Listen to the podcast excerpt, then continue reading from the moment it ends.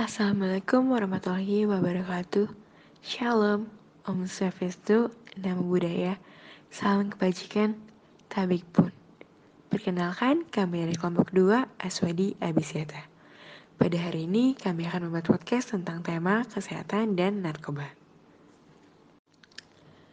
Bahasan pertama akan dimulai dengan kesehatan yang dilanjutkan dengan narkoba. Semoga semuanya bisa menikmati podcast ini ya. Yuk langsung aja kita mulai dari kesehatan. Kesehatan. Apa itu kesehatan? Istilah kesehatan pada dasarnya berasal dari kata sehat yang artinya terbebas dari segala gangguan ataupun penyakit baik fisik maupun psikis. Jika diartikan dari kata dasarnya, maka kesehatan merupakan kondisi ataupun keadaan yang menggambarkan tubuh yang terbebas dari segala penyakit ataupun gangguan fisik ataupun psikis. Menurut Undang-Undang Republik Indonesia, pengertian kesehatan adalah keadaan sejahtera dari badan, jiwa, dan sosial yang memungkinkan setiap orang untuk hidup produktif secara sosial dan ekonomis. Secara umum, Kesehatan manusia dapat dibagi menjadi dua bagian, yaitu kesehatan tubuh dan kesehatan mental, yang merupakan satu kesatuan yang utuh dan juga saling terkait satu sama lainnya. Kesehatan tubuh merupakan kesehatan yang dinilai dari kondisi fisik seseorang yang berkaitan erat dengan masalah seperti terbebas dari luka atau penyakit yang tampak baik luar maupun dalam. Dan jika kita sakit, bisa saja di dalam tubuh kita terdapat bakteri atau virus. Bakteri adalah mikroorganisme bersel satu yang bisa hidup di berbagai jenis lingkungan, termasuk di dalam tubuh manusia, dan keadaan yang dapat membelah diri. Sedangkan virus adalah organisme mikroskopik atau yang super kecil yang dapat tersebar di penjuru dunia dan cenderung bersifat parasit atau membutuhkan inang untuk bertahan hidup, kemudian mereplikasikan diri. Untuk terhindar dari penyakit, kita harus bisa menjaga imunitas tubuh dengan cara pertama, perbanyak makanan hijau dan buah-buahan.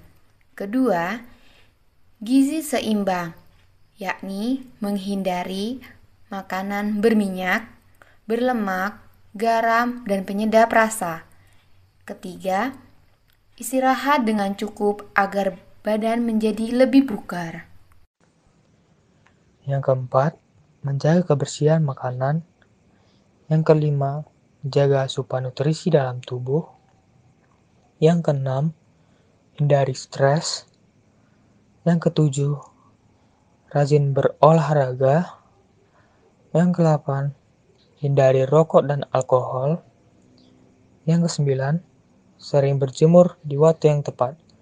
Dan masih banyak lagi cara-cara untuk menjaga imunitas dalam tubuh.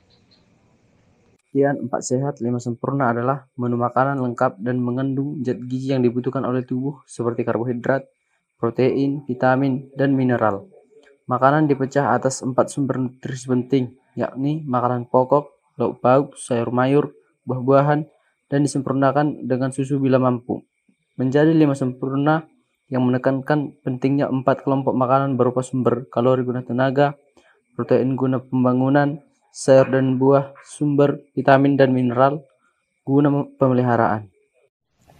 Dan teman-teman, setelah kita mengetahui penjelasan tentang apa itu empat sehat dan lima sempurna, tentu saja setelah itu kita juga harus mengetahui berapa sih porsi makanan yang benar untuk tubuh kita agar kita tidak berlebihan ataupun kekurangan sumber gizi. Jadi saya di sini akan menjelaskan tentang berapa sih porsi makanan yang diperlukan oleh tubuh kita. Jadi Porsi makanan harian yang benar yaitu terdiri dari seperempat porsi piring sumber karbohidrat, 4% protein rendah lemak, lebih dari seperempat porsi sayuran, dan kurang dari 4 porsi buah. Selain dari makanan, kita juga bisa menjaga kesehatan tubuh dari luar untuk menghindari virus atau bakteri yang mungkin dapat masuk ke dalam tubuh melalui penularan bila berhubungan langsung atau kontak fisik dengan si penderita ataupun hanya lewat udara atau juga kontak fisik dengan benda atau barang yang sudah disentuh oleh penderita. Cara menjaga kesehatan tubuh dari luar yaitu 1. Mencuci tangan dengan benar secara teratur menggunakan air dan sabun atau hand sanitizer berbasis alkohol. 2. Menggunakan masker apabila keluar rumah dan bila kita memiliki gejala penyakit agar tidak menularkan ke orang lain. 3. Ketika kita sedang batuk atau bersin, kita harus memiliki etika batuk dan bersin yang benar. Etika batuk dan bersin yang benar sendiri itu adalah dengan menutup mulut kita menggunakan siku ketika kita sedang batuk dan bersin. 4. Kita harus memiliki waktu istirahat yang cukup apabila kita sedang merasa kurang enak badan atau sakit, dan dianjurkan untuk minum obat. 5. Dan lainnya. Mencuci tangan adalah salah satu tindakan sanitasi dengan membersihkan tangan dan jari jemari dengan menggunakan air ataupun cairan lainnya oleh manusia dengan tujuan untuk menjadi bersih. Berikut prosedur cuci tangan yang baik dan benar. 1. Basahi tangan dengan air. 2. Tuang sabun pada tangan secukupnya untuk menutupi semua permukaan tangan. 3. Gosok telapak tangan yang satu ke telapak tangan lainnya. 4. Gosok punggung tangan dan sela-sela jari. 5. Gosok punggung jari ke telapak tangan dengan posisi jari saling bertautan. 6 Genggam dan basuh ibu jari dengan posisi memutar.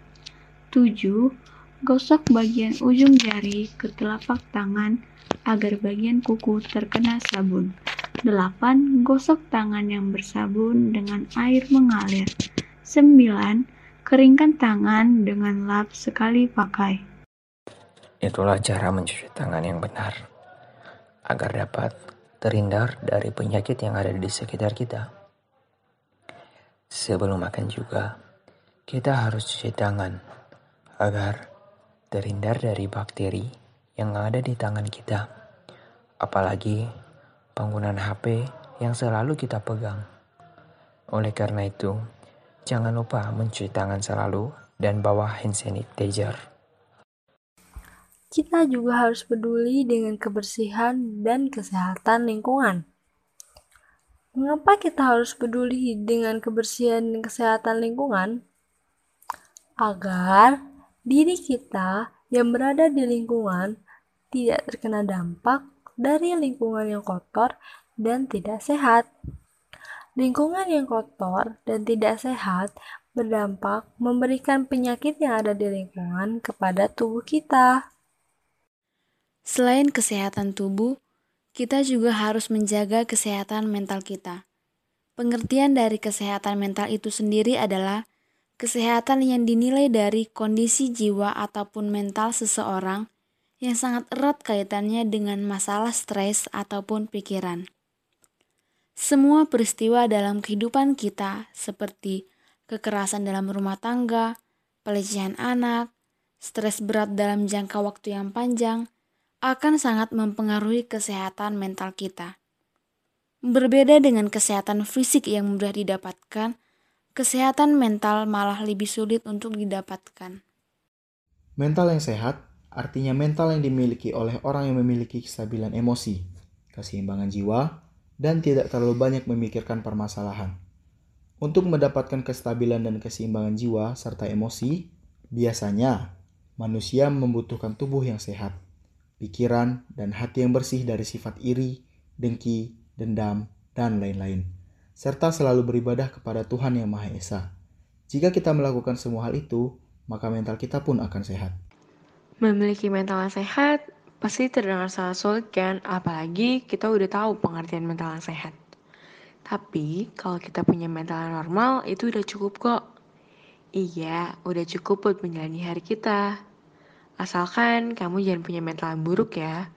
Kenapa sih? Karena kalau misalnya kita punya mental yang buruk, itu bisa mengakibatkan kita terjerumus ke hal yang gak baik. Salah satu contohnya yaitu narkoba. Iya, narkoba itu pasti sesuatu yang asing kan di telinga kita. Apalagi zaman sekarang di mana-mana udah ada narkoba. Ini itu narkoba. Nah, buat kalian yang tanpa sadar nggak sadar udah terjerumus narkoba, ataupun yang tanpa sadar nggak sadar udah kecanduan, denger yuk penjelasan tentang narkoba. Perlu kita ketahui bahwa Badan Narkotika Nasional atau BNN mengatakan jumlah pengguna narkoba tahun 2019 meningkat 0,03 persen dari tahun sebelumnya menjadi 3,6 juta orang. Dan kebanyakan pengguna narkoba adalah remaja. Kenapa begitu? Karena masa remaja merupakan masa transisi dari anak menuju dewasa. Tentu saja dengan begitu, kita harus memahami dengan betul apa arti dari narkoba itu sendiri. Seperti yang dilansir dari beberapa definisi resmi, narkoba adalah singkatan dari narkotika, psikotropika, dan obat-obat terlarang. Apabila ditilik lebih lanjut, kepenggunaan kata narkoba sudah sangat tepat sasarannya dikarenakan terdapat kesan pesan bahwa segala sesuatu yang dikategorikan sebagai narkoba adalah zat ilegal berbahaya. Oke, langsung aja ya. Di sini yang pertama kita akan membahas tentang landasan hukum narkotika. Menurut Undang-Undang Nomor 22 Tahun 1997 tentang narkotika, bahwa narkotika berasal dari tanaman atau bukan tanaman yang dapat menyebabkan penurunan kesadaran, mengurangi atau menghilangkan rasa nyeri, dan juga dapat menimbulkan ketergantungan bagi penggunanya. Jenis-jenis narkotika juga dibagi dari cara pembuatannya. Satu, cara alamiah, yaitu narkotika yang dibuat dari bahan alam seperti tumbuhan, contoh opium dan kokain. Yang kedua, semi-sintesis, yaitu zat atau obat yang diproduksi dengan cara isolasi, ekstraksi, dan lain-lain, contoh heroin dan morfin. Yang ketiga, sintesis, Narkoba ini memerlukan proses yang bersifat sintesis untuk keperluan medis dan penelitian sebagai penghilang rasa sakit. Contoh, amfetamin dan metadon. Dan selanjutnya kita akan membahas tentang psikotropika. Psikotropika adalah suatu zat atau obat alamiah maupun sintetis bukan narkotika yang berkhasiat psikoaktif melalui pengaruh selektif pada susunan saraf pusat yang menyebabkan perubahan khas pada aktivitas mental dan perilaku. Oh ya, psikotropika juga dibagi lagi menjadi tiga golongan. Golongan yang pertama, ganja, apium, dan tanaman koka. Pada golongan satu ini, biasanya tidak diperuntukkan untuk pengobatan apa pun dalam bidang medis. Nah, golongan yang kedua ada morfin dan apirtamin. Pada golongan kedua ini, biasanya digunakan untuk medis tapi sebagai jalan terakhir. Nah, yang ketiga, golongan yang ketiga, amorbapital dan panorbapital. Pada golongan yang ketiga ini, ini adalah merupakan golongan yang paling sering digunakan di bidang medis. Dan selanjutnya, zat adiktif. Zat adiktif adalah obat serta bahan-bahan aktif yang apabila dikonsumsi oleh organisme hidup, maka zat-zat tersebut dapat menyebabkan kerja biologi serta menimbulkan ketergantungan atau nama lainnya adiksi. Mereka akan sulit untuk dihentikan. Sehingga pada akhirnya, baik itu secara langsung ataupun tidak langsung, akan memberikan efek rasa ingin untuk menggunakannya secara terus-menerus. Zat adiktif juga terbagi menjadi tiga golongan, yaitu yang pertama, zat adiktif narkotika, yaitu dengan contoh berupa opium, kokain, dan heroin. Lalu yang kedua terdapat zat adiktif psikotropika, dengan contoh berupa sabu-sabu, ekstasi, dan lainnya. Terakhir adalah zat adiktif yang bukan narkotika dan psikotropika. Contohnya ialah berupa minuman beralkohol. Nah,